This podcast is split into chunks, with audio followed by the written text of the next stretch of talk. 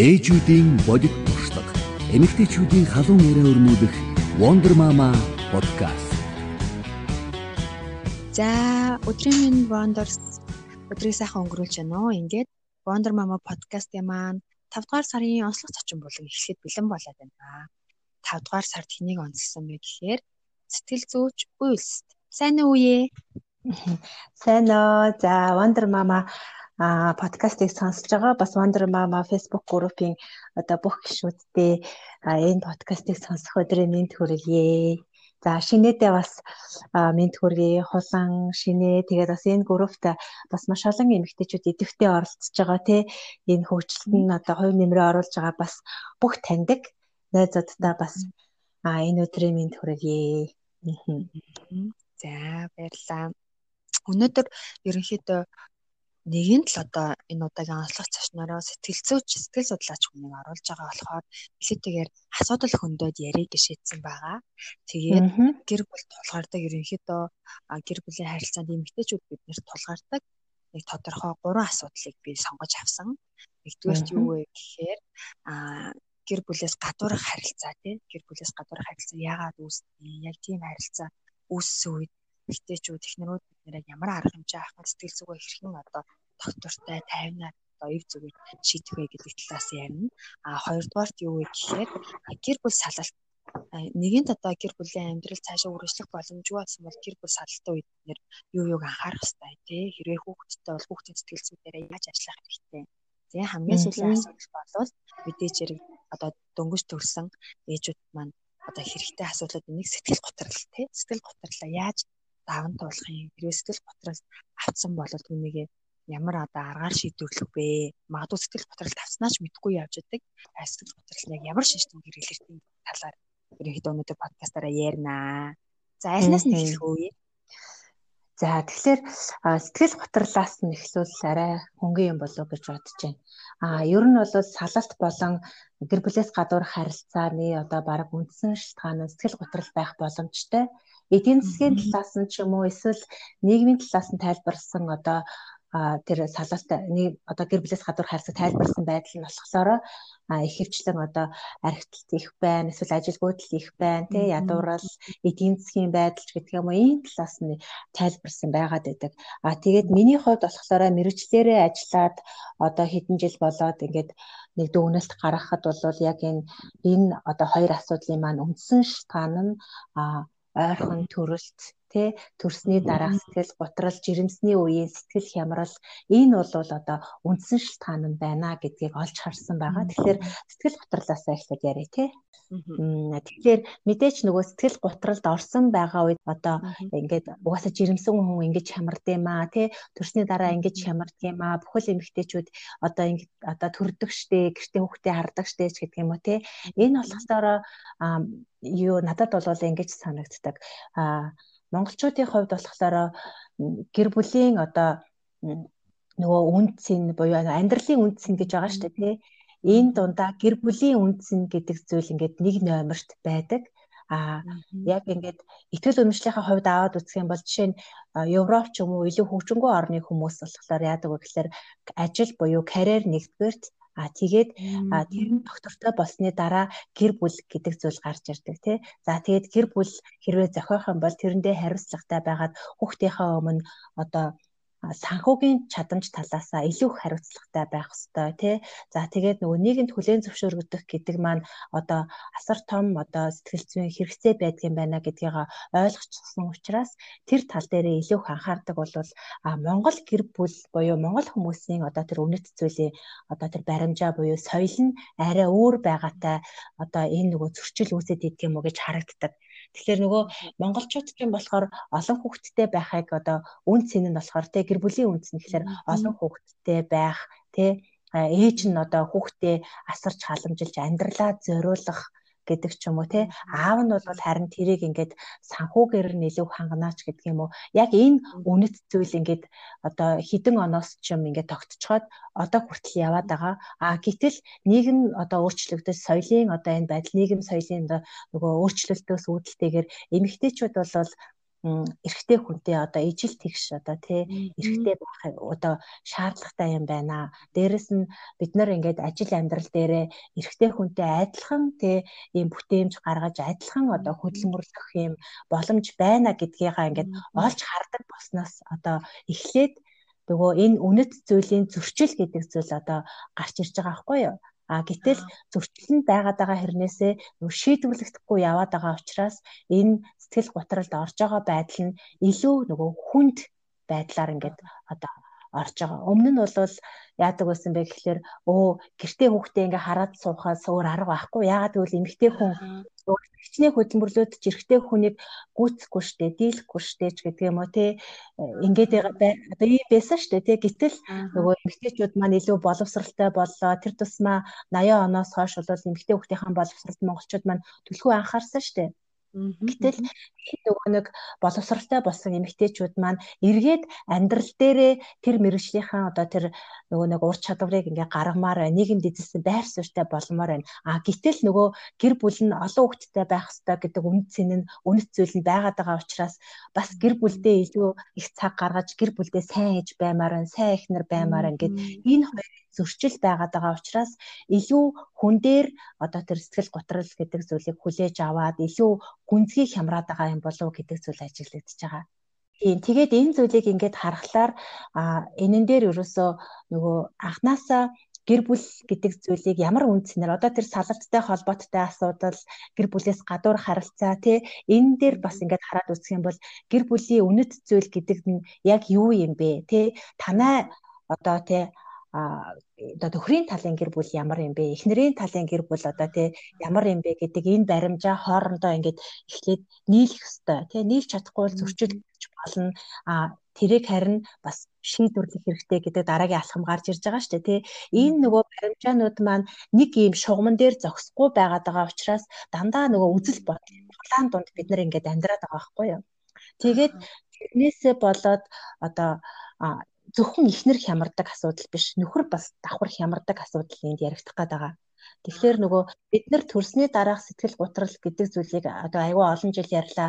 Өө бид нэр ингээ гутрдсан байна. Аа бид нэр ингээ нийгмээс ингээ хязгаарлагдчихж байгаа учраас одоо бид нар чи өөрсдөө нийгмийн бүтээгдэхүүн шүү дээ. Тэгэхээр бид нар өдөр тутам хүнтэй уулзаж өдөр тутамдаа ажил төрөл хийж ямар нэгэн харилцаанд орчиж энэ энэ нь өөрөө нөгөө сэтгэл зүйн одоо тийм том хэрэгцээг маань хангадаг байхгүй юу?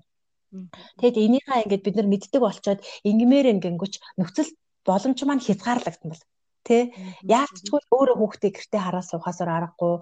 Тэгэл ингээл энэ байдалтайгаа эвлэрэх үү эсвэл гараад ажиллаа хийх үү надад туслах дэмжих хүн байна уу байхгүй байна уу гэл ингээл айгүй олон асуудлууд ар араасаа гарч ирдэг тий. Тэгээд энэ байдал маань үргэлжилж явж хагаад одоо гүнзгий хямралд орох хэмжээний ч юм уу байдал руу хүрэгдэг. А гэтэл эрэгтэй хүн бас нөгөө хүүхэд төрсний дараа яг эмэгтэй хүнтэй адилхан ингэж нөгөө сэтгэл санаагаар унаж хямрдаг юм байна л да.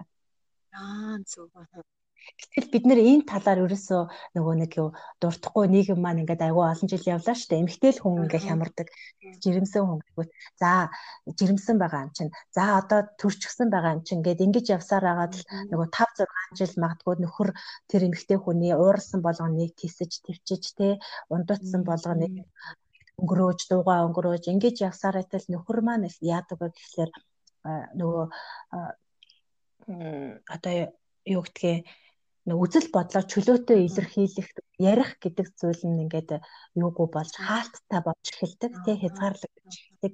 Эннээсээ болоод маш их стресстэж одоо өөрийгөө ихэнх нь ажиллаар давдаг ажилгүй болгоод ажил одоо маш их ажил хийж эхэлдэг тий тэгэнгүүт эргээд тэр гэр бүлд яаж юм гэхээр эхнэр нөгөө чи гэр бүлдээ цаг зав гаргасангүй хүүхдтэй цаг зав гаргасангүй гэдэг байдал руу шилжиж гэдэг ингээд ингээ ерөнхийдөө нөгөө харилцан уялдаатай яваад байдаг. Тэгэхээр энэн дээр бас нөгөө нэг бид нар нөгөө хүүхдийнхаа тоог ингэж юу яадаг вэ төлөвлөдгөө байдал маань бас энэнд нөлөөлж байгаа. Тэгэхээр нөгөө хүүхэд бол бэлэг юмаа гэд хүлээгээд авчдаг. А гэтэл тухайн одоо эцэг эхийн чадамж маань магадгүй зарим хүмүүсийн хувьд нэг л хүүхэд байхад хангалттай байсан тий. Тэгээ тэр хүүхдээ гаргатлаа дараагийнхаа хүүхэдтэй болох шаардлагагүй байхад хүүхэд бол бэлэг юм а хүүхдийг өгөөсгөж болохгүй юм а гэдэг нөгөө үнэт зүйл яагаад байгаа шүү дээ тий.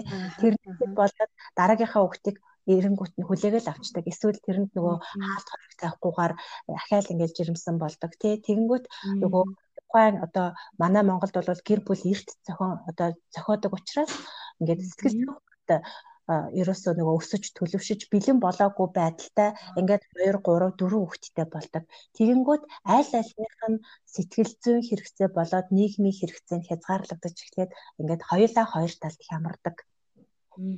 Тий, эрэгтэй хүнд болохоор энэ хямрал хэрхэн нөлөөлдөг вэ гэхээр зарим ингээд халамжтай эрэгтэй хүмүүсийг харах юм бол тэр хүмүүс ингээд гэр бүлдээ оролцдог тий хүүхдээ ингээд шөнөөл аль нэг хүүхдээ авдаг эсвэл одоо хоол ундаа хийлцдэг гэр орныхоо ажил тусалдаг одоо манай монгол эмэгтэйчүүд бол ийм зүйлийг л аягүй хүсдэг шүү дээ тий. А гэтэл яг ингэж нөгөө нэг оролцдог одоо эрэгтэйчүүдийн ингээд сэтгэл санааны байдлыг ингээ хараад үзэх юм бол яг ингээд эмэгтэй хүн төрсний дараа гаргадаг тэр одоо зүйлүүд ингээд ажиглагддаг. Жишээ нь мартамхай болдог, уймраа болдог, тий. Шийдвэр гаргахгүй бол одоо төргөн ууртай ингээд ийм амархан юмд стресстэй болдог ч гэдэг юм уу тий ийм зүйл байхгүй юу. Тэгээд ингэж оролцдоггүй яг нөгөө ажлаа ингээд хийгээд явдаг хүмүүсийн хувьд болохоор нөгөө харилцааныхаа асуудлыг хоорондоо ярилцаж шийдэж чаддгүй учраас дандаа зөрчилтэй тулгараад байдаг учраас болж өгвөл нөгөө харилцаагаас зайлсхийгээд одоо их нэртийгээ ярилцах хэрүүл болчдаг, маргаан болчдаг тий. Магадгүй тэр нь бүр ингээд бүр нэг минийга зохиж авах хэмжээнд хүртэл ингээд хүрдэг ч юм уу тий ийм байдал үүдэг. Тэгэхээр энэ байдлаас зайлсхийж явсаар хагаад улам харилцаа нь холдоод идэг. Тэгээд нөгөө манай одоо юугаа харах юм бол нөгөө гэр бүлийн одоо тэр үндэс нь хэрхэн бүрэлдэж байгаа вэ гэдэг дээрээс бас харах юм бол манай монголчууд ер нь юм хүүхэд төвтэй гэр бүл байдаг. Яг үнэ. Тэр хүүхэд гэж нөгөө нэг хац жаргал одоо гэр бүлд хамаг аз жаргалыг авчирж байгаа тий ингээл хүүхэд байх юм бол гэр бүл инээд хөөртэй байдаг ядчил уураа төвчдөг ч гэдэг юм уу? Нэг тийм хүүхэд төвтэй гэр бүл байгаад байдаг а гэтэл яг нөгөө гэрлэлт гэдэг чинь өөрөө хосын төвтэй байж иж гэрлэлт өөрөө нөгөө амжилттай явагддаг. Тэгэхээр бид нар нөгөө хүүхэдтэй байгаад тахаар хүүхдээ хэрхэн хөгжүүлэх вэ? Хүүхдээ хэрхэн хүмүүжүүлэх вэ? Хүүхдээ хэрхэн одоо ямар нэг юмар дутаахгүй байх вэ гэдэг ч юм уу те. Хүүхдээ хэрхэн аз жаргалтай болгох вэ гэж яваад байгаа нь эргээд нөгөө эхнэр нөхөр хоёр өөрсдөө орхигдоод байгаа асуудал гэж хэлдэг. Тэгэхээр нөгөө гэр хамгийн чухал зүйл нь одоо энэ ээж аав хоёрын сэтгэл ханамжтай байдал, байх ёстой байтал хүүхдийн сэтгэл ханамж нэгдүгээрт байгаад Тэгээд өөрсдөө өөрөө өөрсдөө нөгөө нэг тэр зориулж байгаа зориултаасаа өөрсдөө алдаад байгаагаа олж харахгүй байгаа байдал харагдчихэдэг. Аа энэ их өөр өнцөг байна. Ер нь бол өмнө нь бол яг одоо чиний хэлдгээр ингээд юу яагаад гэр буй хүүхэд төртэй гэлээ ингээд анхаарал сэтгэл хөдлөж эмгтэн хүн дээр байгаад байна л яриад байсан чинь яг чамааг ярьсан чинь нэрээ тим юм бэ, тим юм үнэхээр анзаарахтай юм гэж бодол төрж байна. Тэгээд а яг би нөгөө хит хитэн нам дээрээс харсан. Ер нь одоо ихчлээ одоо жишээлбэл нөгөө Мелинда Гейтсийн хөөх хүч гэр нам дээр хүртэл тэрэн дээр хүртэл гэр бүлээ сайн төлөвлөөч эмхтэн энэ тал дээр илүү анхаарч чадах юм бол маш олон асуудлыг шийдэх боломжтой байна гэдэг санаа цус цус яваад идэв шүү дээ. Цус нэлээд чухал шүү дээ. Тэгэхээр энэ бол ерөөсөө гэрлэлт гэдэг маань эхлээд хоёр талын соёлыг яг соёлыг нийлүүлээд тэрнийг өөрсдийн одоо гэр бүлийн соёл гэж тусдаа юм гаргаж тэрнийхэн дараагаар гэр бүл төлөвлөлтөө маш нарийн хоорондоо яг одоо карьер төлөвлөлтчгээ хийгээд за тэрнийхэн хажуугаар бас хосууд өөрсдийнхээ харилцааг яаж явах юм бэ гэдэг юм маш тодорхой болгох болгочих юм бол энэ сэтгэл готрол гэдэг асуудал чинь багасах юм байна. А нөгөө төгөөр бас бидний нөхөр дээр ч гэсэн энэ асуудлууд хөндөгддөг байна. Бид нэр л өөрсдөө ийм ийм ийм гэл улам асуудлыг хөндрүүлээд нөгөө талаа бас ойлгохгүй байдаг гардаг юм байна гэдэг ойлголт шууд ингээ шинээр төрчих надад. Би ерөөсөө энийг урд нь олж харж байгаагүй юм байна.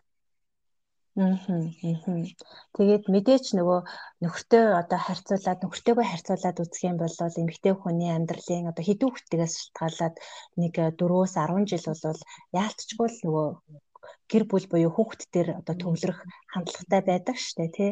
Тэгэхээр нөгөө яг ингээд 30 наснаас 40 насны хооронд бол яг одоо нас нас бийт хүрсэн хүмүүсийн хувьд тий нийгэмдэр тогтсон байр суурьтай байх, ажил төрөлтэй байх, одоо одоо ямар нэгэн хийж чаддаг зүйлээрээ хүлээн зөвшөөрөгдсөн байх буюу нийгмийн статус нь тодорхой байх гэдэг нь сэтгэл зүйн одоо энэ насны хүмүүсийн суурь хэрэгцээ гэдэг баггүй юу? Тэгэнгүүт манай монголчуудын хувьд болохоор эрт гэр бүл зохиодог. Тэгээд нөхөр нь ингээд амьдралаа ингээд ингээд залгуулад явж байгаа ч гэсэн эхнэрийн хувьд болохоор эхний одоо тэр нөгөө нэг 20-с 30 насны хувьд бол эд нөгөө нэг төрөлтийн нас байгаад байдаг. Иннээсээ болоод яг нөгөө сурж боловсрох зарим байдал нь орхигдно. Сурж боловсрсон ч тэрийг нөгөө ажил амьдрал дээрээ тий одоо практикт хэрэгжүүлж өөрийн болгож авах гэдэг юм уу? Ийм зүйл нь ингээд орхигдож яваад тэгээд энэ байдлаасаа болоод нөгөө нийгэмд эзлэх байр суурь байхгүй байна би юу ч хийж чадахгүй байна. Гэдэг нөгөө өөртөө итгэх итгэл өөрийн үнэлэмжинд нь энэ нь ингээд нөлөөлж эхэлдэг Тэгээд нөгөө өөртөө ихтгэлгүй өөрийн үнэлэмж ингээ даавар байгаа хүн яадаг вэ гэхэлэр үргэлжээ нөгөө сэтгэл санаа тавгүй байдаг. Энэ тавгүй байдлаасаа болоод ингээд эргэн тойрондоо байгаа хүмүүс ингээд химэлж амьдардаг. Одоо химлэн гэхээр нөгөө нэг юу гэхинтэй байнга л нөгөө нэг ингээл чи болохгүй байна, ийм болохгүй байна, амьдрал болохгүй байна гэж нөгөө нэг гомдлохыг хэлээд байгаа шүү дээ, тий. Ингээд одоо энэ нь жишээ гэртээ зөвхөн байгаа хүн дээр ч бас биш л те. Ажиллаа хийж байгаа хэрнээсээ тэрнээсээ сэтгэл ханамж авдггүй тэндээсээ бодиттой одоо те өөрийн үнэлэмжийг олж аваагүй хүмүүс хүртэл ажиглагддаг байхгүй юу? Эннээсээ болоод байгууллага дотор одоо ховж их байдаг ч гэдэг юм уу те байдаг те. Тэгэнгүүт энэ нөгөө нэг ихтгэлгүй одоо энэ байдал чинь ихэвчлэн яг нөгөө төрсний дараа бий болоод байгаа юм л да Тэгэхээр а нэгэнт одоо ингээд төрчихсөн, нэгэнт ингээд готролд орчихсон. Тийм бол одоо яах вэ? Тэ? Одоо ямар ингээд таяр одоо амьдралаа буруу төлөвлөсөн байна. Ямар шөмжлээд суугаад байлтай нь ш, тэ? Тэгэхээр нэгэнт л ингээд өрнөд ингээд явчихсан. Тэгээ болгоё бүтээгээд явж байгаа амьдрал дээр хэрвээ та сэтгэл готролтой байгаа бол яах вэ гэдэг асуудал юм. Тэгвэл сэтгэл гутралаас гарахад бол хамгийн нэгдүгээр сэтгэл гутралын талаар олон талын тий нөгөө нэг мэдээллийг цуглуулж өөрийгөө яг ямар байна вэ гэдгийг мэдэх нь айгүй чухал байдаг. Мэдээлэлтэй болох гэдэг нь айгүй чухал. Тэгэхээр мэдээлэлтэй болохоор өөрийгөө тодорхой хэмжээнд хянаж эхэлнэ шүү дээ тий. Оо би сэтгэл хөдлөлөө хянаж болох юм байна. Аа эн чин асуудал чинь энээс үүдээд байгаа юм байна гэх нөгөө асуудлынхаа шалтгааныг олчих юм бол тэр асуудал шийдэгдэхийг бараг 5 50 60% нь ингээд болцдог штэ тий. Тэгэхээр нөгөө тэр шалтгаанаа олж мэдэж мэдээлэлтэй байх нь айгүй чухал гэдэг нэгдүгээрт. Хоёрдугаарт болохоор мэдээж нөгөө нэг юу юутай байх хэрэгтэй. Ямар нэгэн байдлаар нийгмийн одоо тэр харилцаагаа хизээж тасалж болохгүй. Эмэгтэйчүүд өөрсдөө энэ сэтгэл гутралд орох эсвэл нөгөө нийгмийн харилцаагаа сайн дураараа хязгаарлах ажлыг хийдэг. Яагаад тэгэхээр төрсний дараа чин нэмэгддэг, төрсний дараа нөгөө их их нөгөө нэг одоо төрсөн эрхээчүүдийн хувьд болохоор төрхөөсөө өмнөх биетийнхээ дандаа амьдраад байдаг. Тэр зөрчлөөсөө болоод дандаа ингээд гэр бүл дотор нь маргаан үсч яадаг тий. Би өмнө нь ямар байсан гэдэг тухай дандаа ярьдаг. Өнгөрсөндөө амьдраад байдаг. Одоогоо ерөөсөө хүлээн зөвшөөрдөггүй. Тэгэхээр одоо байгаагаа хүлээн зөвшөөрөх хэрэгтэй гэдэг зүйлийн тухай ярьж байгаа. Одоо нөгөө би ингээд тарган байна тий. Гэтэ хамаагүй би хэсэг хугацааны дараа би турна тий. А турах турахын тулд тэгвэл би эргээд би гуайлыг бийтэй болохын тулд юу хийх вэ гэдэг зүйл тий. Ингээд нөгөө нэг өөрийнхөө зүгээс хийж чадах юмнуудынхаа төлөвлөгөөг гаргах нь айгүй чухал. Тэгээ нөгөө төрсний дараа хүүхэд 2 нас хүртэл ч юм уу эсвэл 1 нас хүртэл ч юм уу гэд ингээд өөрийгөө эмэгтэйчүүд болоогчдаг байхгүй юу. Тий. Тэрнээс нааш ингээд юу ч хийхгүй ингээд орхичдаг. Тэгээд тэгээд тэртээ тэргүй би ийм тарган байгаа юм чи ингээ хувцс авахгүй тэртээ тэргүй би ийм тарган байгаа юм чи ингээ хүнтэй уулзахгүй тий нөгөө гадаад байдал дээр хит төвдрөх тий ийм байдал ажиглагддаг байхгүй юу? Тэгэхээр хамаагүй энэ бол цаг зуурын зүйл.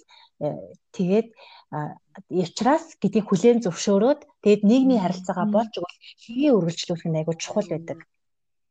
Тий. Өөрөө өөрөө одоо жишээ нь ингэдэг байхгүй юу? Нөхрөөд бол чи тэгээд явал та найзтайгаа уулзал та гэдэг тий. Аа. Тий. Тийм тэгэнгүүт нөгөө тийм л дээ. Гэхдээ л нөгөө өөртөө ихтгэлгүй байдлаасаа болоод ингээд өөрөө өөрийгөө ингээд хязгаарлалцсан байгаад байдаг. Тэгээд нөгөө өөрөө үйлдэл хийж чадахгүй байгаадаа улам стрессдэг ч юм уу тий ийм хандлагатай. Нөхөр нь болохоор ингээд одоо мэдээж хэвийн л нөгөө ажлаа үргэлжлүүлээл цалин өсдгөөрөө өсвөл ажлын ур чадвар нэмэгдэхээрээ нэмэгдээл одоо юу гэдгийг нийгмийн харилцаа нь өдөр тутамдаа хийн явагдаж байгаа учраас яг ихнэр шиг ингэж нөгөө нэг яг өөрийг нь тэг гэртээ байгаад ямар хэцүү болохоор хитээч ер нь бол мэдрэхгүй гэдгийг хүлээн зөвшөөрөх хэрэгтэй. Яг үнэ. Боломж хүлээн зөвшөөрөөд а тэгэхээр ингээд тэрхлээр а нөхрөөс одоо миний аз жаргал нөхрөөс хамааралгүй маа гэдэг тухай бодож эхлэх байхгүй юу хүн? А тэгэхгүй чи намайг ийм гэрт байхад ийм хэцүү байгааг ойлгохгүй байна гэдгийг ойлгуулах гэж ингээд хичээх тусам харилцаа чинь хүн дээрж холдно гэдгийг айгуусан ойлгох хэрэгтэй. Аа зөв зөв А тэгэхээр ингэж ойлгоод ирэхлээрээ би тэгвэл энэ хугацаанд яаж өөрийгөө те ингэж дайчлах? Яаж би одоо те арайч сэтгэл готролд орчихгүй хэн шиг эсвэл бүр эннээсээ долоон дор болчихгүй хэн шиг энэ цаг үеийг туулах вэ? Хинээс би тусламж авах вэ? Те би хинээс ямар тусламж авах вэ гэдг нь хүртэл маш тодорхой байх хэрэгтэй. Энэ тодорхойгүй байдлаасаа болоод улам бас асуудлаа нэмдэг. Жишээ нь нөхөр маань намайг тэрвэрх болоо үнсэх болоо өмнөх шиг намайг тэрвэрхээ болцсон байна да үнсгээ болцсон байна да гэл нөгөө хүлээгээл те ямар нэгэн юм хэлсэн ч гэсэн тойрон утгаар хэлээл ингээд хэлчихвэл ингэж ойлгох болов гэж ойлгосоо гэж гэдэг ч юм уу те нөгөө шууд санаагаа илэрхийлж чадахгүй энэ байдлаасаа болоод бас ингээд улаан их стрессээ нэмж улаан их нөгөө өөртөө ихтгэлгүй байдлаа ингээд тижээдэг байгаа. Тэгэхээр би энэ асуудлыг туулахад ямар ямар хүнээс ямар бодиттой тусламж авах вэ? Энэ дээр миний хийж чадах зүйл юу вэ? Нөхрийн хийж чадах зүйл юу вэ? Эсвэл гэр бүлийнхнаас хин хин оролцоотой байх вэ? Би энэн дээр одоо яах вэ гэдэг зүйл чинь бүгд маш тодорхой байх хэрэгтэй. Миний хувьд яг тэгсэн байна. Яг чиний хэлдгээр том дээр бол ерөөсөө тийм анзаарч байгаагүй. Том дээр нэлээд сэтгэл готрол асар өндөр байсан. Одоо эргээд ингээд өгөнж яхад аа тэгээд тэрнийг өөрөө ч мэдээгүй өнгөрөөсөн шүү дээ. Мэдээж хэрэг тэр үед ямар ч бүтээл одоогийн шиг өгчөөгүй. Тэгэл ингээл амар ааштай амар хэцүү болоод өнгөрчдөг. А тэгээ арай гайгүй болж байсан чинь нөгөө төлөвлөгөөний давуу дахиад хүүхдтэй болох хэрэгтэй харин тэгээд яг тэр үед дээрээсээ өөрийгөө сатааруулах ч гэдэг юм уу те ямар нэгэн байдлаар өөрийгөө энэ одоо яг энэ гутарлыг ян стрессийг үүсгэж байгаа орчноос төрч гисэн салгаад өөр орчинд айж хэвээр юм байна гэдгийг ойлгосон л тоо. Тэгэхээр яг яг тэгээд ирэхээр илүүтэйгээр одоо ингээ анзаарч хахад тэр үед нөгөө нэг амар эхнийх дээр бол ингэжсэн тэгчсэн ингээл нөгөө аливаа проблемтай талууд бол идэв тодорхой тод байгаад ш дурсамж нь. А тэгэнгүүт ягаад ч юм хоёртойгоо охин дээрээ айгүй хурдан өөрөө том болцсон ч юм шиг. Тэгээ бүх юм ингээд гоё аясараа болцсон ш тийм санагдаад байгаа байхгүй тэгэхээр ээжүүд эмэгтэйчүүд яг нөгөө энэ өөрийгөө энэ байдлаас авч гарах өөрийн гэсэн тэр нөгөө аргыг бий болгох хэрэгтэй. Төлөвлөгөөгөө гаргах. Тий яг байна. Тэгээд ихэнх эмэгтэйчүүдийн хувьд болохоор яадаг вэ гэхлээр одоо жишээ нь миний хувьд одоо ийм байгаа байхгүй юу? Бүтэн зөвхөн манай нөхөр бүтэнсээ өдөр амардаг. Тэгэхээр тэр өдрийг ингээд маш их хүлээдэг. Тэгээ бүтэнсээ өдөр амарчхаар нь би зүрж гараад одоо би ингээ ямар нэг юм хийлээ ч юм уу ингээд явж чадахгүй. За аав нь байгаа дээр нь гэр бүлэрээ цагийг өнгөрөөе гэд а яг ингээд нөгөө яг таг одоо тэгэхэр чин 7 хоногийн 7 өдөр гэртээ байна гэсэн үг шүү дээ тий. Ингээд гарахгүйгээр ингээд өнгөрөөсөн байгаа байхгүй юу? Тэгээ яг энтэй адилхан танд одоо тий бас ийм одоо өөрөө өөрийгөө энэ нөхцөл байдлаас ингээд жоохон ч гэсэн салгаж тусгаарлаж гаргах ийм нөхцөл байдлыг өөрөө өөрөө бий болгоод байгаа юм биш үз гэдэг зүйлээ бас харах хэрэгтэй байхгүй юу. Тэгэнгүүт нэг зүйлийг харж байгаа. Эмэгтэйчүүд болохоор гэр бүл дээр ингээд нөгөө зориулалт одоо хэрэгтэй гэдгийг ингээд хүлээн зөвшөөрөө тэрийнхээ бүр ингээд үүрэг даалгавар гэж хүлээгээд авчихсан. Тэ. Эрэгтэй хүний хувьд болохоор ингээ бүх юмыг тэнцвэртэй л байлгах нь гэхээс аль нэг тал руу ингэж давмгайлан ордоггүй юм байна гэдэг зүйл хэлж байгаа байхгүй юу тий одоо жишээ нь ингээд нөхрийн хувьд бол манай нөхрийн хувьд бол 7 хоногийн нэгд өдөр заавал заал авах хэвээр. Тэнд хүүхэд өвдсөн байна уу? Би өвдсөн байна уу? Тэр өрөөсөө хамаагүй. Өөрөө л өвдөд таг суучааг бол тий ер нь заавал явдаг. Ямар ч тохиолдолд явдаг. А гэтэл бид нар болохоор өөрсдөө зоригтой үнэж биш. Ямар нэгэн байдлаар гэдэг шалтак гаргаад зорилгоосоо ухрахтай айгүй амархан. Тэгээ тэрийг гэр бүлийнхаа төлөө хийсэн гэж ингэж нөгөө нэг өөрөө өөрийгөө тайвшруулах тий тайвшруулад тэгээд э, би ингэж зориулж хахад чи ингэж зориулсангүй гэдэг тухай дараад нь ярьдаг тий тэгэхээр өөрөө өөртөөгөө цаг гаргах тэр цагийг өөрөө ингээд гаргаж чадаагүй бол бусад хүн чамд тэр цагийг гаргах хэрэгтэй юм шиг ингэж хандна гэдэг чинь ер нь бол жоохон явцсан ойлголтоо л гэдгийг бас нөгөө хүлийн зөвшөөрөх хэрэгтэй. Бид нэр өөртөө бид нэр өөрөө өөртөө үнэнч байгаад өөрөө өөртөө хатуу чанга цахилга баттай байж ич тэр нөгөө нэг сэтгэл санаагаа доктортой байлгах буюу эхнэр аз жаргалтай бол гэр бүл аз жаргалтай гэдэг зүйл чинь бас дахиад давхар явах гэдэг шүү дээ. Тийм байх байхгүй. Гэтэл нөгөө чиний аз жаргалыг нөхөр бүрдүүлж өгөх хэрэгтэй юм шиг тий. Чиний аз жаргалыг үд чинь л бүрдүүлэх хэрэгтэй юм шиг ингээд бусдын нөгөө нэг байгаа байдлаар өөрийнхөө сэтгэл хөдлөлийг ингээд хэмжиж авч явна гэх юм бол тэр өөрөө айгүй зовлонтой амьдрал болно л доо. Тэгээс тэл гутралын эргэн тойронд бол яриул бас зөндөө юм байгаа л да тийм ээ. Зөндөө юм байгаа. Дараагийнхаа орой тий. Аха. Тэгвэл хоёлаа дараа нь гэр бүлээс гэр бүлээс гадуур харилцаа руу тэгвэл Аха. За тэгээ. Энэ чинь яагаад одоо энэ бол нийгэм дээр бүр асар их байна л да. Би одоо жишээл үеийн нэрээ нууцсан захиа гэдэг групп дээр ихэвчлэн энэ асуудал яригддаг. Ингээл анзаарч хахад тэгээд энэний шийдлийг мэдээж хэрэг олоход хэцүү байх.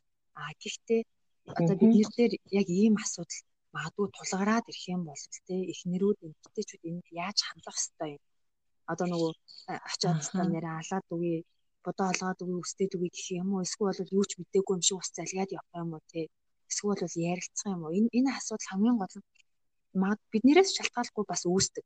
А гэхдээ биднээс шалтгаалаад ямар тохиолдолд үүсээд идэв гэдэг талаас нь илүү хуйлаа мэдээж ярил Тэгэхээр нөгөө гэр бүлийн харилт гадуур гэр бүлээс гадуур харилцаа буюу хууралт гэдгийг эрэгтэй эмэгтэй хүмүүс хоёр өөр өөр хүлээж авдаг.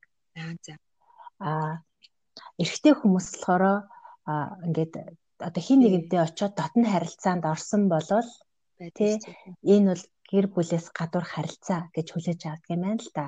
Сэтгэл зүйн хувьд одоо хүлээн авалтын тухай ярьж байгаа байхгүй юу?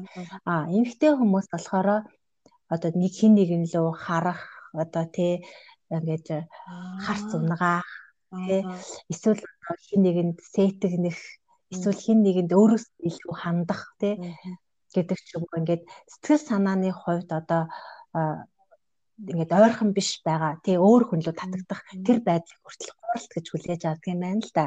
Тэгтэн шүү дээ үнэ. Тий үнэн тий. Тий энэс болоод нөгөө ойлголтын зөрүү гардаг. За энэ энэ байдлаас болоод дөнгөж харилцаа ингээд үүсэж байгаа залуу хосуудын хувьд хүртэл энэ байдлаас болоод чи харц хардаагүй би хуурсан хураагүй ч гэдэг юм уу яг нэг аргаантай асуудлууд бий болдог. Тэгэхээр ихний хамгийн эхлээд бол аа ийм юм байна гэдгийг ойлгож аваад нөхөртөө хэлэх нь айгуу чухал. Өө эмэгтэй хүн ийм энийг хүртэл ингээд хууралт гэж ойлгоод байт юм байна. Тийм болохоор одоо хэрвээ чи тэгдэг бол энийгээ ядаж надад харагдуулахгүй байгаа чи гэд тий. Ингээл ихнэрт зарим эмэгтэй эрэгтэй хүмүүсийг харах юм бол ихнэртэйгээ цуг явж байгаа хэрнээсээ өөр эмэгтэй рүү харц унгаадаг штэ тий. Тэгэл тэр байдал чинь нэг талаараа айгу тийм нөгөө бүлүүлэг зүйл нөгөө талаараа тэр эмэгтэйгийн эмэгтэйгийн хувьд бол аль хэдийн хуурцантай адилхан зүйл байгаа байхгүй юу? Өөрийг нь хуурцантай. Тэгэхээр нөгөө нэг өө энэ намайг хуурах юм байна ч юм уу гэдэг айцтай байна. Энэ айцаасаа болоод энэ төрлийн маргаан тасрахгүй байна ч гэдэг юм уу. Энэ нь даамж даам даамжирч явсаар хагаад энэ угаасаа надад итгэдэггүй юм чинь би яасан ч яадын гэдэг бодлоор тэр их магадлал айгу өндөр болдог. Аа зөв зөв. За тэгэхээр эмэгтэй хүн ингэж тэгвэл боддгийм байна гэдээ энэ бодлороо өөрийгөө бас хөөргөд ээж болохгүй. Ааха. За. Ер нь тий, ер нь бол хүн ингээд итгэл үзүүлэх тусам хүний итгэлийг одоо чи жишээ шинэ би чамд ингээд амар итгэлтэй манай гэрлэхстэй айгу мундаг штэ би чамд л итгэж чинь чи л энийг хийж чадна гэдэг хам бол чи миний итгэлийг алдахгүй ингээд хичээдэг штэ. Хүн болгонд нэг тийм хүн хийдэг тий а тэр нь заримдаа нөхөр нь заримдаа ихэнхдээ өөр хүмүүс л да. Ямар нэгэн одоо хуурай ихтүүс найз нөхөд ч юм уу тий газрын хин нэгэн тий. А тэгэхээр нөгөө бид нэр ингээд итгэх тусам хүний итгэлийг алдахыг биш алдахыг хүсдэггүй хичээдэг гэдгийг энэ бол бүр хууль ахгүй юу. Энэ хууль аягаас ойлгож хажуудаа байгаа хүндээ 100% итгэж найд. 100% итгэл үзүүлж байгаагаа тэр биерэж тэр үйлдэлээрэж тэр үзүүл мэдрүүлэх нь айгүй чухал. Энэ бол нөгөө нэг хууралтаас сэргийлэх, урьдчилан сэргийлэх алхам байгаад байна шүү дээ тий. За Тэгэнгүүт ийм хүмүүс гарч ирдэг. Би тэр хүнд ингээд 100% итгээд явжсэн чинь тий энэ хүнээс өөр хүн байхгүй гэд явжсэн чинь энэ хүн намайг хуурчлаа. Одоо би хүн итгэж чадахгүй гэдэг асуудал үүсдэг байхгүй юу?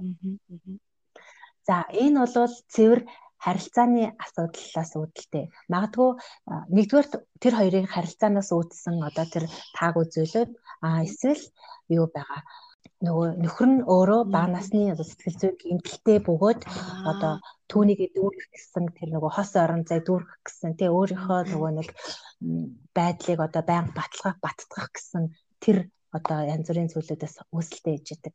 Тэгэхээр харилцааны асуудал байгаа бол тэр юунд вэ гэхлээр за дахиад би нөгөө нэг төрөлтийн тухай ярьж байгаа.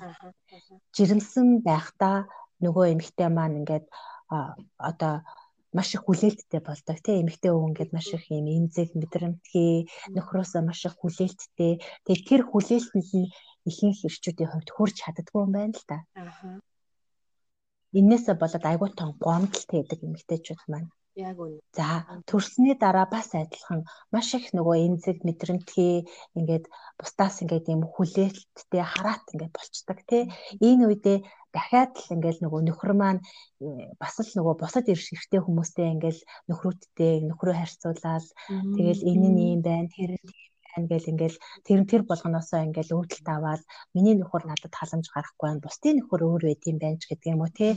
Ингээл энэ нөгөө нэг одоо хүлээлт эдгээр зүйлүүд нь нэгдүгээр тэр хоёрын харилцааг холдуулж яадаг тий а хоёр толхлоороо нөгөө ойрхон төрөлт буюу олон хүүхэдтэй байх тусам хосын харилцаа буюу бүр харилцаа маань холдож эхэлдэг.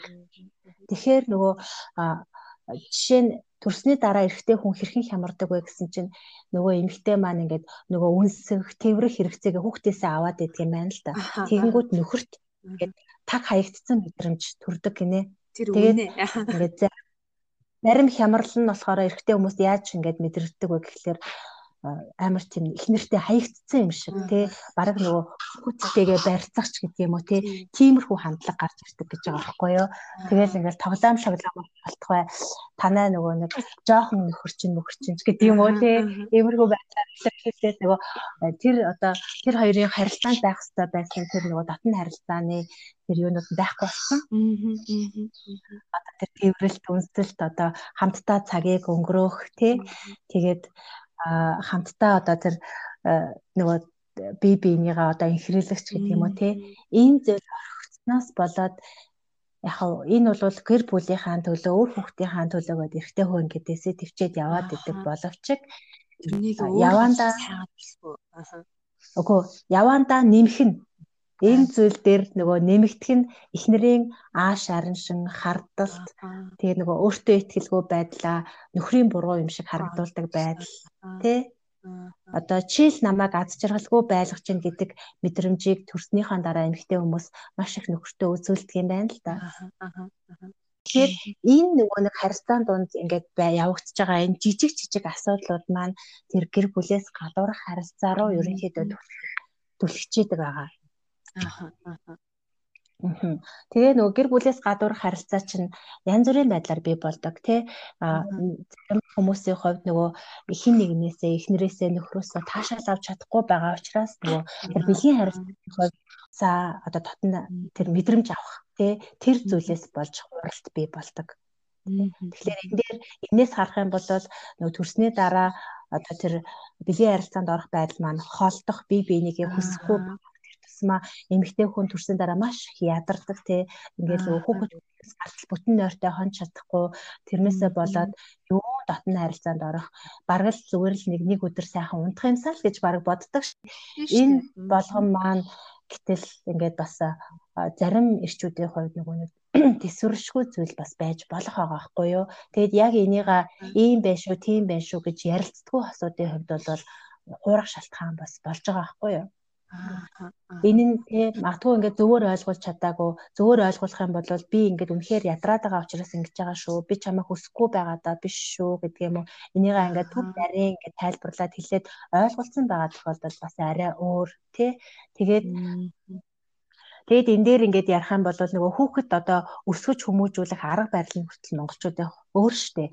Ингээд хүүхдүүдтэйгээ нэг оронд унтдаг тий хүүхдүүдэд тусдаа унтаагүй ингээд өөрөөсөө эмэгтэй хүмүүс хүүхдээ өөрөөсөө хит хамааралтай болгодог ч гэх юм уу бас ингээд ахад давхар зөндөө олон асуудлууд яригдсан дээр. А гэхдээ одоо батны харилцааны хувьд нэгдүгээр байна. А хоёрдугаар болохоор сэтгэл санааны хувьд хин нэгнээс дэмжлэг авахын тулд бас ингээд гэр бүлээс гадуур болдог гинэ. Тэгдэг юм шиг анзаа. ирээд тий гэртээ ирээд дандаа ингээд их нэртэй буруутгагддаг тий. Ерөөсөө ингээд их нэртэйгээ ярилцъя гэхлээр энэ нь дандаа маргаан болдог тий. Эхнэр нь ерөөсөө нөхрийнхөө ингэж багтаж урамшуулдаггүй, ойлгохгүй тий. Ингээд энэ байдлуудаас болоод э, хин нэгэн хүн тий түүнийг магтаж эхлэхэд тий хин нэгэн эмэгтэй тэр эмэгтэйд ингээд халамж тавьж эхлэхэд ингээд хөл алдах тий их хвчлэн эрэгтэй хүмүүс хөл алднуул гэхээс биш бүр ингээд зорин барин ихнэрээ хуурдаг байхгүй юу. Тэгээд ийм байдал үүсч болдог. За окей. Тэгвэл одоо яг ийм асуудал хэрвээ гараад ирчих юм бол эмэгтэйчүүд яах вэ? Аха. За За асуудал хэрвээ яг гэр бүлээс гадуурх харилцаа одоо үүсчихсэн одоо тухайн асуудлыг даван туулах гэж явж байгаа тийм одоо эмэгтэйчүүдийн хувьд бол нэгдүгээрт энэ асуудал юунаас болж үүссэн бэ гэдгийг гэдэг дээр харлаа төвлөрүүлээд а энэ нь одоо нөхрийн гаргасан алдаа юм а гэж харахгүйгээр бит хоёрын харилцаанд тэ өнгөрсөн амьдралд зүгээс буюу бид хоёрын аль альныхын зүгээс те ямар ямар учир дутагдaltaй зүйл байсан учраас үүсвэ гэдгийг бодож олох нь айгүй чухал. Мэдээж энэ дээр бас сэтгэл зүйчтэй уулзаад сэтгэл зүйчийн оролцоотой байх юм бол тэр асуудлаа нөгөө олж харах нь арай илүү байдаг л да. Тий. Тэгээ нөгөө зөвхөрсөн гомцсон хүний нөгөө асуудлыг олж харах тий. Нэг бол зарим эмэгтэйчүүд өөрийгөө буруутгаад өөртөө итгэх итгэл нь ингээд унаад тий юун тэр асуудал руу олж харах тий зарим нь болохоор нөгөө нөхөртөө юм уу найзлуудаа ингээд хорсож гомдоод бас л нөгөө нэг одоо тэр сэтгэл хөдлөлүүд чинь маш хүчтэй мэдрэгдэж байгаа учраас яг тэр нөгөө асуудал руугаа орж чадахгүй байгаад байдаг. Тэгээд хэрвээ тэгж орж чадахгүй тэрийг ингээд олж бодож чадахгүй байгаа бол тэр байдлаасаа ингээд гарч чадахгүй байгаа бол мэрэгжлийн хүнээс туслалцаа авах нь аюул чухал л да. Тэгээд нөгөө асуудлаа гадагшлуулаад ингээд баг зэргийн ингээд тайвшрал ингээд аваад ирэхлээр цаашдаа яах вэ гэдэг талаар илүү нөгөө нэг шийдвэрлэх төвшний зүйлүүдийг бодож эхэлдэг байгаа. Бас асуудлаа арай илүү том зургаар нь харж эхэлдэг байгаа.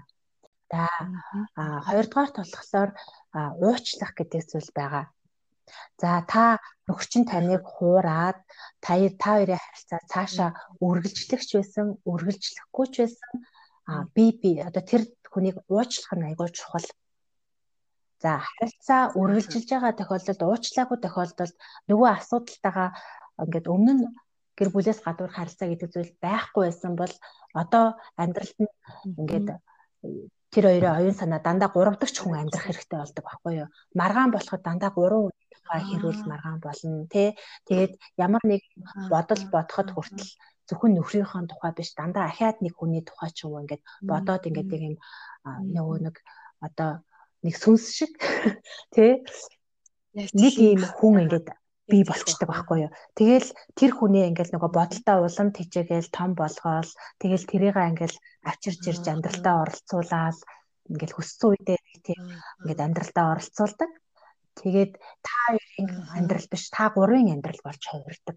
Тийм учраас Аа ямар муухай юм бэ? Тий, тийм учраас ер нь бол нөхрийгөө тэр ингээ болсон үйл явдал уучлаад тий уучлал уучлсан шиг уучлах хэрэгтэй. Хамт амьдарч байгаа л уучлсан гэсэн үг ерөөсөө биш. Зарим эмэгтэйчүүд би одоо ингээд уучлах гэж байгаа юмэрсээ сэтгэл санааны хувьд бол ингээд маш тогтургүй нөхрийгөө байн хардсан, буруутгсан, өнгөрсөн амьдралдаа харамссан тий.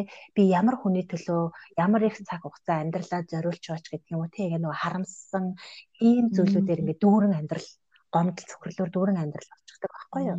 Тэгэхээр ерөөсөө тэр эмэгтэйгийн ер нь бол нөхрөөч тэр тэр эмэгтэйгч тэр уучлах нь айгүй чухал. За хамт амьдарч байгаа тийм байна тий за хамт амьдраагүй тохиолдолд дараагийн нөгөө амьдралаа зохиохт нь хэрвээ нөхрийгөө уучлааг бол саад болдог. Магадгүй хүнтэй эргээд ханилсан байлаа ч гэсэн нөгөө нэг авсан сэтгэлийн шархаасаа болоод харилцааг ингээд одоо оронгоор нэргүүлж. Тэгэхээр ерөөсөө л яасан ч байсан уучлах нь чухал болж таарж байгаа байхгүй юу? Тэгээд хэдий хурдан уучлал нь тэр хэмжээгээр хингийн хэвийн амьдралдаа орно л гэсэн үг. Уучлахгүй байснараа та тэр хүнийг шийтгэж байгаа асуудал огт биш те. Байснараа өөрийгөө л зүйл ерөөсөө биш өөрөө өөрийгөө зовоож байгаа асуудал гэдгийг айгуусан ойлгох хэрэгтэй. За за дараагийн асуудал нь болохоор зарим эмэгтэйчүүдийн хувьд болохоор нөхөр маань ерөөсөө ингэх хүн биш тэр эмэгтэй л толгойг нь эргүүлж өгсөн гэд тийм нөө гуравч хүнийг буруутгах хандлагатай болдог. Мэдээж энэ нөгөө нэг одоо сэтгэл зүйн талаас нь тайлбар тайлбарлах юм бол ингээд янз янзын одоо сэтгэл зүйн хамгаалах механизмтай холбоотой зүйл л дээ. За энийг нарийн ярих юм бол бас айгүй их зүйл болно. Тэгэхээр гол асуудал нь одоо тэр нөгөө нэг нөгөө нэг хүнийг одоо тэр гурав дахь амьдралд чинь орж ирсэн хүнийг бас буруутглаа гэдэг асуудал бол ерөөсөө шийдэгдэхгүй гэдгийг айгуу сайн ойлгох хэрэгтэй. Тэгээд нөгөө хүнийг мөрдөж мөшгөх те магадгүй тэр ихтэй одоо хамаг ингээд уур уцаараа гаргах ямар нэгэн байдлаар одоо нөгөө нэг одоо манайхан ингээд сошиалоор ингээд дийлгэх ч юм уу те эсвэл ажил төрөл дээр нь очиж ч юм уу. Иймэрхүү хандлагууд гаргадаг штэ тий. Энэ бол ингээд одоо асуудал шийдэж байгаа зүйл биш. Ер нь бол өөрөө өөрийнхөө нөгөө тэр ихтгэлгүй байдлыг л одоо улам ингэж тэтгэж тэжээ. Ингэж өөрөө өөртөө нөгөө үнцэнгүй санагдах үйлдэлүүдийг л хийж байгаа зүйл эцэст нь болж. За нэгэнт одоо жишээ нь би ингээд энэ асуудал үүссэн би тэр хамтдаа амьдарч байгаа гэж байгаа болвол тэр эмэгтэйн талаар дахин дурсаж ярихаас ямар ч хэлбэрээр ярихаас одоо тий буюу бас сэтгэл санааны хувьд харьцуул өөрөө өөрийгөө харьцуулахаас татгалзах хэрэгтэй. Тэр эмэгтэйтэй өөрийгөө харьцуулж болохгүй. Тэр эмэгтэй ямар нэгэн талаараа илүү байсан учраас таны нөхөртэй одоо тий учир ургуулсан зүйл ч юм уу таны нөхөр татагдсан зүйл огтоосоо биш. Зүгээр л та хоёрын харилцаанд ямар нэгэн одоо тий дутагдaltaй зүйл байсан учраас л нэг алдаа гарсан болохоос биш тэр эмэгтэй танаас илүү ухраас юм уу тэ энэ асуудал үүссэн гэсэн үг огтоосоо биш гэдгийг ойлгох хэрэгтэй. Та тэр хүнээс дутуу байсан учраас энэ зүйл болсон гэж одоо бодох бодлосоо зайлсхийж тэр хүнтэй өөрийгөө харьцуулахаас ёстой гэсэн үг. Өөрсдийн харилцаан дээр илүү одоо төвлөрч хаана ямар асуудал байв тэрнийг яаж шийдэх үү гэдэг дээр төвлөрүүлээ тий Тийм. Ааха. Тэгээд а юунасаа болоод одоо энэ нөгөө нэг одоо далд харилцаа харьцуулна, ил харилцуул харьцуулна тий. Далд бол сэтгэлдээ ингээл нөгөө нэг тэрийга тэгээл байнга ингээл харьцуулаас та ил харьцуулж байгаа нь бүр ингээл ээлтэй өө чи одоо тэрнийхээ тухай л бодож байна уу ч юм уу те. Таяр одоо ингэсэн нөө тийм тэгэж хамтдаа гоё байсан уу ч гэдэг юм уу те. Эсвэл одоо тэр эмэгтэй чинь тийм сайхан уу ч гэдэг юм уу. Энэ талаар ярих нь ямар ч үр өгөөжгүй зүйл юм а харин ч та өөрийнхөө улам сул дорой гэдгийг те. Улам те нөхөртөө одоо муухагаар харагдах тэр зүйлийг бүрдүүлж өгч байгаа. Нөгөө хүний үн цэнийг өсгөж өгч байгаа. Алхам тэ ийм үйлдэл юм а гэдгийг айгуус ойлгох хэрэгтэй. Нөхрөөдийн хувьд бол ерөөсөө одоо ийм харьцуулалт гэж шийдвүү маань л да. А харин та тэр хүнтэй харьц өөрийгөө харьцуулж ихснээр жинхэнэ харьцуулалт бий болж эхэлдэг. Тэгээд мэдээж нөгөө нэг энэ гадуур харилцаа үүссэн байгаа тохиолдолд ямар л нөгөө нэг сайхнаар хандуу гэжтэй тий. Тэгээд тийчээгээд нөгөө гомдлыг ингээд уучлалт бас нэг цаг хугацаа хэрэгтэй дээ. Ингээхээр нөгөө нэг эмгтэй хүнээс ингээс ямар л гарч болох муухай ааш зан юу байдгийг тэрийг ингээ гардгийн байна л да. Тэнгүүт зарим эрэгтэй хүмүүсийн хувьд болохоор тэр нь за миний буруу учраас эхнэр маань инглээ гэд ингээд хүлээж авдаг те. Зарим нь бол огт хүлээж авахгүй чи надтай ингэж харьцах ёсгүй гэд ингээд ингэдэг те. А гэтэл зарим нь болохоор тисэж тисэж жагаад тэгээд явдаг. Гэхдээ ихэнхдээ энэ нөгөө нэг бүтээсэн амьдралаа тэ сэтгэл дүүрэн ч юм уу те би баг энэ сонгосон эмэгтэйдээ 100% ихтэй байна гэд явж байгаа эрэгтэй хүн маш ховор байдаг. Зүгээр л үнэхээр ингээд нөгөө эхнэрийнхээ хажууд байж аргагүй болсон байна. Эхнэр маань угаасаа намайг хүлээн зөвшөөрч чадахгүй юм байна те энэ миний алдааг ингээ хизээч уучлахгүй юм байна гэдэг байдлаас болж ингээд явдаг болохоос биш ингээд одоо олон л ийм асуудалтай гэр бүлүүдтэй ингээд уулзаад явж байна шүү дээ тий энэ хооронд тий 100% ингээд одоо би залуу сайхан их нэртэй болмоор байгаа учраас гээд явж байгаа ч юм уу тий энэ зүйл бол байдаггүй байгаа. Тэгэхээр нөхрөөчийн хувь энэ амьдрал чинь үн цэнтэй хിവэрэ байгаа гэдгийг тий нөгөө нэг өөртөө итгүүлэх нэг чухал тач болоорой. А тэгхгүйгээр итгүүлэх гэж ярьж байгаа шүү дээ тий. Энэ нөгөө яг энэ үед энэ итгэл нь унчсан байдаг учраас ямар ч утгагүй санагддаг учраас мэдээж тий зарим хүмүүсийн хувьд энэ асуудалтай тулгараад амиа хорломоор санагдах тий бүр ингээд хаашаа ингээд нөгөө нэг явах тэр хаашаа байж суух газраа олж ингэж байж чадах тий ийм зүйлүүд ингээ болдог маш хэцүү байдаг учраас а би бол үндсэнтэй хүн тий надад тий ийм ийм давуу талууд байгаа миний бит хоёроо босгосон амьдрал тийм ч амархан унчих зүйл биш ч гэдэг юм уу тий ийм зүйлүүдэд ингээ хүчирч болтгоо ингэж итгүүлэх гэж ингэж оролдох нь айгүй чухал зүйл байдаг. Үнэхээр хэрэгтэй яриа надад санагдчихэв манайхан магадгүй анзаарч байгаах би ч одоо бусад подкаст нэр ам уралдаал яриад иддэг. Энэ удаад аа тийм үү ингээл ингээд сонсоо. Миний хувьд маш хэрэгтэй байгаа бас манайхны хувьд ч гэсэн маш хэрэгтэй мэдээлэл өгч байгаа. Баярлалаа. За тэгвэл хоёлаа сүүлийнхаа одоо асуудал руу оръё тий. За гэр бүл салалт үүсдэг. Гэр бүл салалтаас болоод эхнэрч тэр нөхөрч тэр асуудал яг үүсдэг байх. Гэхдээ бид нар чи харьцангуй насанд хүрсэн хүмүүс шүү дээ. За тэгээ дараагийн амьдралын нийт хэрэг цогцолдог. Миний анзаарснаар шүү.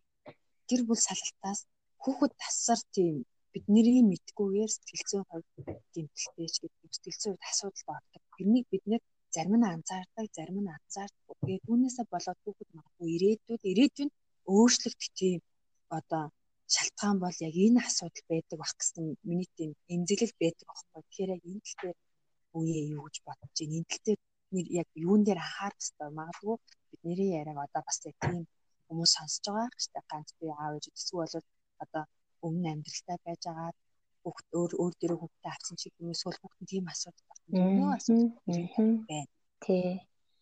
Тэгэхээр нөгөө энэ дээр бас миний бодол гэхээсээ илүү бүл салалттай холбоотой асуудалд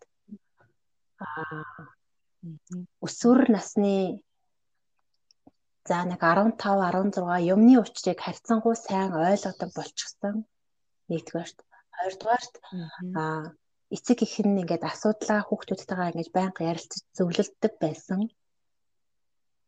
ийм хүүхдүүдэд ингээд гайгүй тусдаг. Бүх хүүхдэд одоо маш сөргөөр тусдаг. Ихэнхдээ өөрийгөө буруутгах буруутгалыг тэндээс ингээд хүүхэд олж авдаг. Нас нь бага байх тусмаа өөрийгөө буруутгах буруутгалыг тэндээс олж аваад нөгөө одоо тэр нөгөө өөрийн одоо хэмж гэдэг зүйл нь яг тэр үед ингээд зогсох магадлал айгүй өндөр. Тэр үеэс өөртөө итгэлгүй болох тий нөгөө бүтэн биш гэдэг мэдрэмжээсээ болоод гэд өөртөө ихтгэлгүй болох тий тэрнээсээ болоод одоо ямар нэгэн амьдралын тий янз бүрийн өөрчлөлтүүд гарах хан илүү өндөр байдаг гэдгийг сэтгэл судлаачид судалгаагаар тогтоосон байдаг. А хоёрдугаарт эцэг эхийнхээ аль нэгийг буруутгах зүйл дээр нэгээд нэмэгдэж орж ирдэг. Энэ нь болохоор бага байхад бол ээжигээ ч юм уу аавыгаа ч юм уу буруутгах хүүхд мэдэхгүй шүү дээ тий. Бараг би үнд ингээл бага насны хүүхд бол би ээж аавынхаа үгэнд ороогүй болохоор эсвэл одоо би онд сураагүй болохоор би хангалтгүй байсан болохоор ч гэдэг юм уу ингэж хүлээж авдаг юм байна л да. Гэтэл бид нар бол хүүхэд тэгэж хүлээж авна гэж огт мэдэхгүй шүү дээ. Тэ? Ерөөсөө л ингээл одоо зүгээр л нэгээд хүүхэд ингээл эцэг их хайл нэг нь дагаал явж байгаа юу бодож санаж байгаагаа нэг сайн мэдэхгүй хүүхэд өөрөө ч тэрийг ямар өвдөлтийг мэдэрч байгаа илэрхийлж сайн чаддаггүй байхгүй юу. Тэгэхээр хүүхдэд маш хүнд тусдаг гэдгийг айгуу сайн ойлгож авах хэрэгтэй. Тэгээ нөгөө салалт ихэнхдээ бас ямар тохиолдолд би болж ийн вэ гэхлээр нөгөө би биенийхээ одоо үзэл бодол а амьдралын ихтгэл үнэмшил зориг а энэ нөгөө нэг одоо мөрөөдөл гэдэг юм уу те зориг эдгээр зүйлүүд хүлийн зөвшөөрч чадахгүй байгаагаас үүдэлтэй байх нь нэг өндөр байгаа байхгүй юу? Энэ тухай ойлцол энэ тухай нэгдсэн нэг тийм одоо төлөвлөгөөч гэдэг юм уу те энэ зүйл байхгүй байгаагаас болоод салж байгаа гэр бүлүүд айгүй олон байдаг. Монголчуудын хувьд болохоор ерөөсөө л нөгөө яг ингээд салгалтын ирмэг дээр ирчээд дандаа сэтгэл зүйчид ханддаг. Яг харилцаа чинь болохгүй байгаа асуудалтай байгаа үедээ сэтгэл зүйчдэр хандах юм бол нөгөө салгалтаас урьдчилсан сэргийлэх одоо бүрэн боломжтой.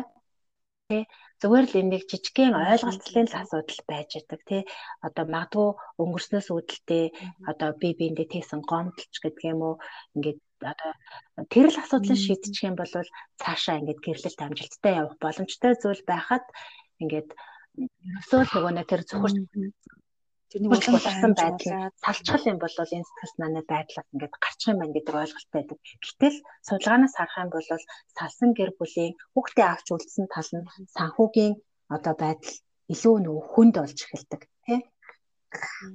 Тэр нөгөө нэг ачааллаасаа болоод дахиад одоо өөр төрлийн тий хүнд асуудлыг одоо сэтгэл зүйн хувьд дарамттай асуудлыг үүрж явна л гэсэн үг байхгүй юу? Тэгэхээр бид нар нөгөө нэг асуудлын хэлбэр нь л өөрчлөгдөж байгаа болохоос биш танд дахиад л асуудал бий болно.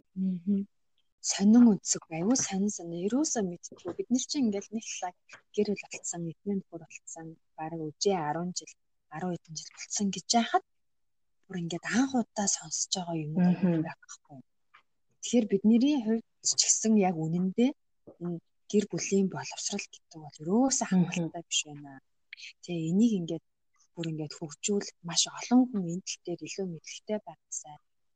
Тэгээ маш олон хүүхдүүд, маш олон хосууд аз жаргалтай байгаасай гэдэг үүднээс өнөөдөр бит хоёрын подкаст хийж байгаа дандаа л гоё юм яриад байдаг шүү дээ. Гэвчиг яг асуудал юу вэ гэдээ ингээд эргээ харахад тэр асуудал яг үндэ одоо ингээд би ч гэсэн мэдэхгүй сууж байгаа. Тэр асуудлыг яаж шийдэх юунаас болт. Энэ бол нөгөө та хоёр ийм одоо тий ихэр нөхөр хоёрын тухайн асуудал биш. Нэг хүүхэдтэй бол хүний асуудал. Хоёр хүүхэдтэй бол дөрвөн хүний асуудал юм а гэдгийг аягуулсан ойлгох хэрэгтэй. Тэгвэл эндээс маш олон зүйлийг ойлгож авлаа, мэдэж авлаа. Ерөнхийдөө бас зарим зүйлийг буруугаар боддгийм байна. А зарим өөрөө ч анзаараагүй олон бас алдаа их нэрийнхээ хувьд хийдэг юм байна гэдгийг өнөөдрийн би ярианаас олж авлаа. Маш гоё олзуурхаштай сайхан яриа байлаа хэрвээ одоо юу гэх чинь цаг байдаг бол ер нь цаг гаргаж жагаад нэг үетэйгээ тутаа суугаад нүүр нүрээ харж агаад нэлийн олон эмэгтэйчүүд яриа ярмаар шүү. Тэгээ өнөөдөр ямар ч цаг заваа гаргаад одоо ингээд оролцооч ээ гэсэн хүсэлтэд минь хүлээж авсан найзтай их баярлалаа. Аха. Тэгээд энэ бас подкастт урьж оруулсанд баярлалаа. Би тэгээ өмнө нөгөө танаа дугааруудыг ингээд юу сонсоогүй байжгаад сая ингээд чамаа хүлээнгээ бас ганц хоёр дугаар сонсож үзлээ. Тэгээд маш гоё одоо хүмүүсийн ингээд одоо дотоод сэтгэлийг нээж чадсан гоё ярилцлагууд болсон байна гэж миний хувьд өгүүлсэн. Тэгээд энэ подкаст болон одоо энэ групп нь бас илүү амжилттай цаашаа явах байхаа гэдгийг бас олж харсан. Тэгээд ийм гоё ажлыг эхлүүлсэн бас гэрлээдээ баяр хүргэе. Тэгээд бас л нөгөө би тэр чинь хоёулаа л жоохон хөхөл хөвгттэй байгаа шүү дээ тий.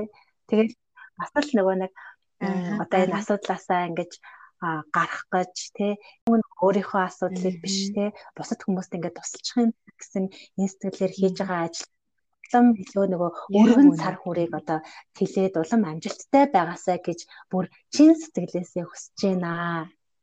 Баярлалаа. Ямар гоё юм бэ? Яг үе миний бод байгаа бодлын маань нэвч тавьсан байх шүү. Тэгээд зүйлээ одоо энэ ажлаа улам гоё цар үрээтэй. Тэгээ олон хүн нэг ч гэсэн тусыг хүрэх юм хүрья гэх подкаста дуусгая. Баярлалаа. Өдрийг сайхан өнгөрүүлээрэй. За баярлалаа. Чамд ч гэсэн.